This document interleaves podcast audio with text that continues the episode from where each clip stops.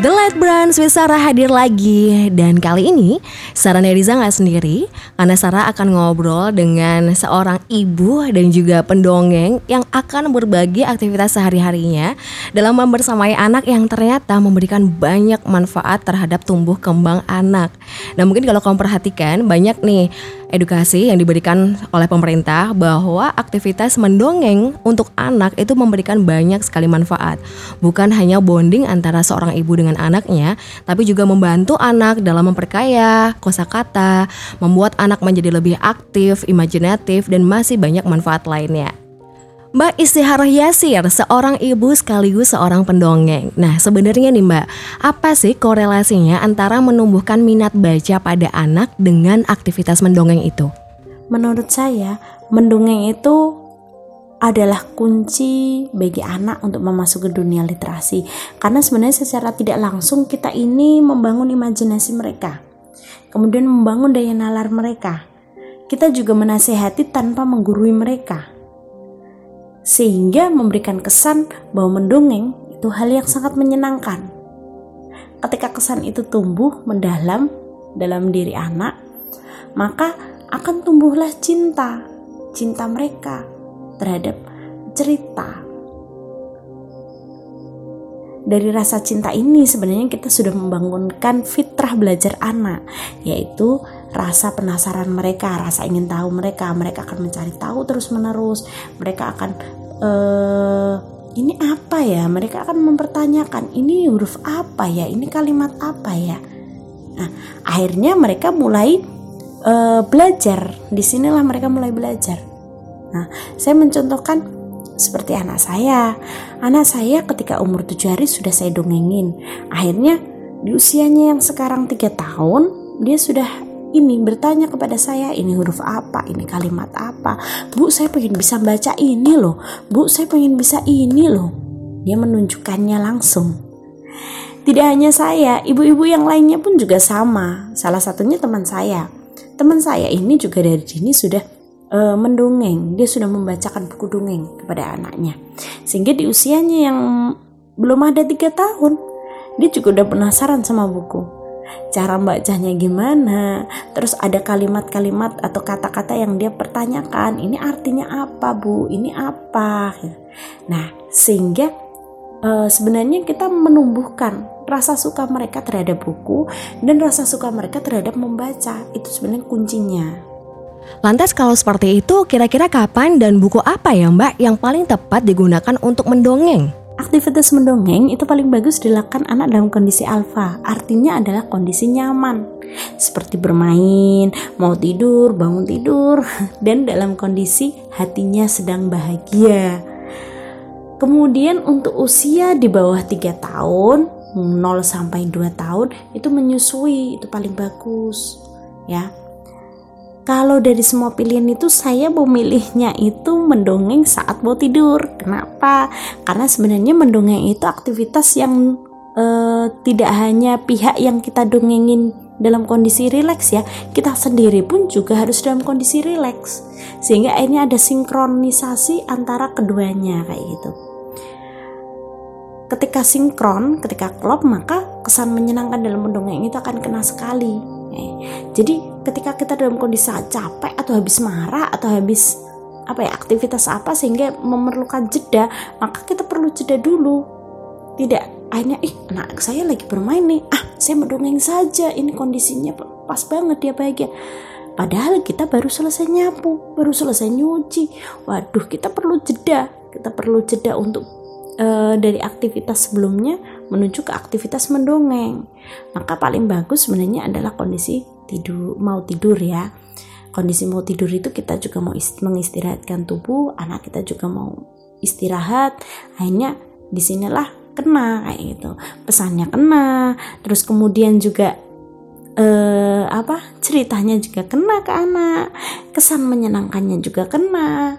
Akhirnya akhirnya tujuan dari mendongeng itu akan lebih klik di hati anak. Seperti itu.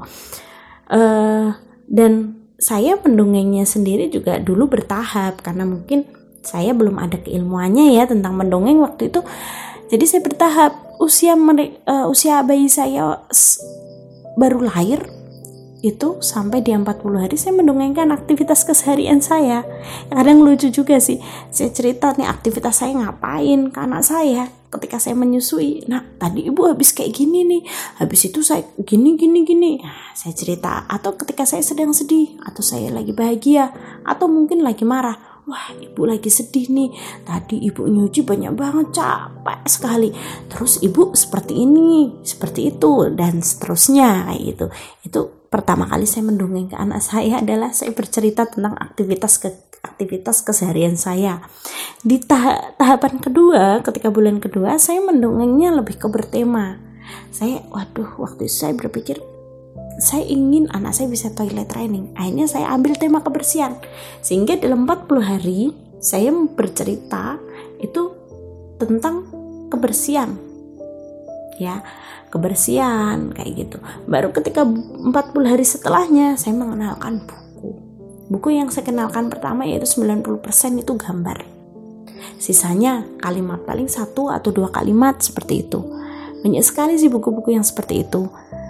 Terus pertanyaannya kalau seumpama mendongengnya uh, melalui buku dari dini bagaimana dari bayi dari baru lahir itu sebenarnya nggak masalah memang teorinya paling bagus juga seperti itu sehingga kita secara tidak langsung sebenarnya udah mengenalkan buku kepada anak itu dari uh, dini bahkan uh, sarannya itu dari dalam kandungan itu kita sudah mengenalkan buku kayak gitu Nah kebetulan nih Sarah punya anak yang usianya sudah lima tahun.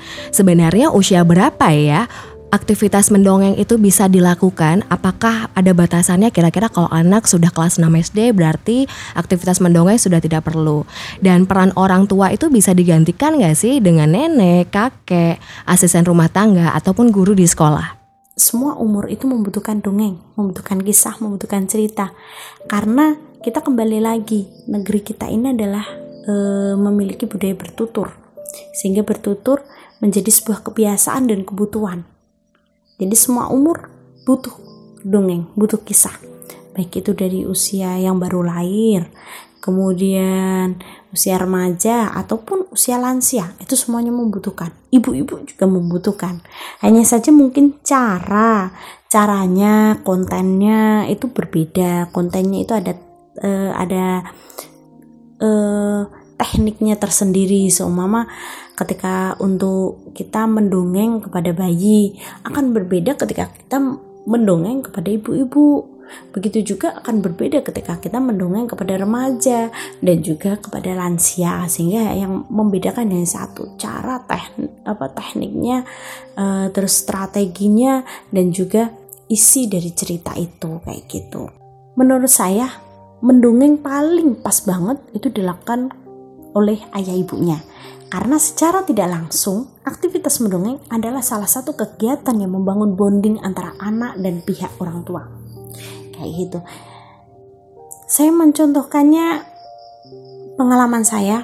Jadi waktu kecil saya ini termasuk salah satu anak yang jarang didongengin oleh ayah dan ibu saya. Tapi saya sering didongengin oleh kakak saya. Kakak saya itu jaraknya 9 tahun dengan saya dan apa yang terjadi? Kakak saya itu getol sekali tuh dulu mendongeng. Setiap hari dia mendongeng, temanya beda-beda. Kadang dia mengarang sendiri tuh dongeng kayak gitu. Dan apa yang terjadi? Yang terjadi adalah saya lebih dekat dengan kakak saya dibandingkan ayah dan ibu saya. Dan nasihat kakak saya lebih saya terima dibandingkan nasihat ayah dan ibu saya. Saya sendiri waktu itu berpikir, kok bisa ya? Saya bisa lebih ini ya, uh, lebih bisa mendengar nasihat dari kakak saya dibandingkan ibu atau ayah saya ya kenapa gitu saya baru ngeh ketika saya belajar mendongeng oh ternyata mendongeng itu membangun kedekatan nih. Makanya kenapa saya dulu lebih dekat ke kakak saya kayak gitu. Itu salah satunya. Terus kemudian bagaimana ketika uh, orang tuanya perantauan? Apa kita kan nggak bisa mendongengkan langsung. Sebenarnya aktivitas mendongeng bisa saja kita lakukan dengan kreatif. Uh, saya melihat salah satu film yang hari Sabtu bersama bapak. Itu bapaknya kan mau video dongengnya dia dia bercerita dia berkisah dan dia videokan. Kemudian dia sampaikan di setiap hari Sabtu kepada anak-anaknya. Itu juga sebenarnya uh, mengantisipasi ketika jarak yang sangat jauh ya kayak gitu itu bisa sebenarnya mendongeng seperti itu ketika memang perantauan. Tapi kalau memang sangat tidak memungkinkan sekali so mama wah sinyalnya susah dan kita sendiri juga tidak bisa melakukan itu karena kita nggak tahu caranya dan lain sebagainya. Sebenarnya juga nggak masalah sih itu dilakukan oleh simbahnya atau asisten rumah tangganya atau uh, gurunya di sekolah. Yang penting ketika sama asisten rumah tangganya kita harus memberitahukan dongeng apa yang ingin kita sampaikan. Uh, apa nilai moral apa yang ingin kita sampaikan kepada anak. Kita sampaikan kepada pihak asisten rumah tangga seperti itu. Begitu juga kepada simbah mungkin mbah oh anak saya pengennya kayak gini nih. Mbah aku dibantu cerita kayak gini. Ya sebenarnya nggak masalah. Begitupun kalau guru kan biasanya menyesuaikan tema atau menyesuaikan apa ya judul ini ya eh, tema kegiatannya apa judulnya apa kan kayak gitu. So mama tema kali ini tentang tentang nilai moral yang ingin disampaikan tentang kerukunan. Mungkin guru akan mendongengkan tentang itu. Sebenarnya juga nggak masalah karena ini juga salah satu tuntutan guru sendiri kayak gitu. Nggak masalah sih hanya saja mungkin saya tetap akan menyampaikan paling bagus aktivitas mendongeng itu adalah ayah dan ibu kedekatannya akan lebih terasa. Nah, ini mungkin untuk para ibu-ibu dan para perempuan calon ibu, sebenarnya gimana sih tips triknya agar aktivitas mendongeng untuk anak itu tidak menjadi ritual yang membosankan? Nah, kira-kira sebagai orang tua apa nih yang harus dilakukan? Jadi, waktu saya mendongeng seperti yang saya sampaikan tadi, saya singgung tadi, saya bercerita tentang keseharian, kemudian bertema, kemudian saya mulai mengenalkan buku begitu seterusnya. Sampai di suatu titik saya mempertanyakan, anak saya bosan gak ya? Ketika kita berada di titik mempertanyakan, artinya sebenarnya kita yang mengalami kebosanan, bukan anak kita sendiri. Kalau kita menganggap mendongeng itu sebuah ritual nina bubuk, artinya kita mengalami di titik jenuh seperti yang saya singgung sebelumnya, mendongeng paling bagus adalah ketika antara si pendongeng nyaman dan yang didongengin juga nyaman kayak gitu. Jadi keduanya itu ada sinkronnya kayak gitu. Ketika si pendongeng sudah mulai mempertanyakan kebosanan, maka yang terjadi anak kita juga akan mengalami bosan. Jadi sebenarnya kembali ke kita sih, kenyamanan kita itu yang perlu kita bentuk dulu ketika mendongeng. Itu yang pertama. Yang kedua, ketika kenyamanan sudah kita bentuk, maka kita akan mencari metodenya. Apa aja sih? Banyak sekali metodenya.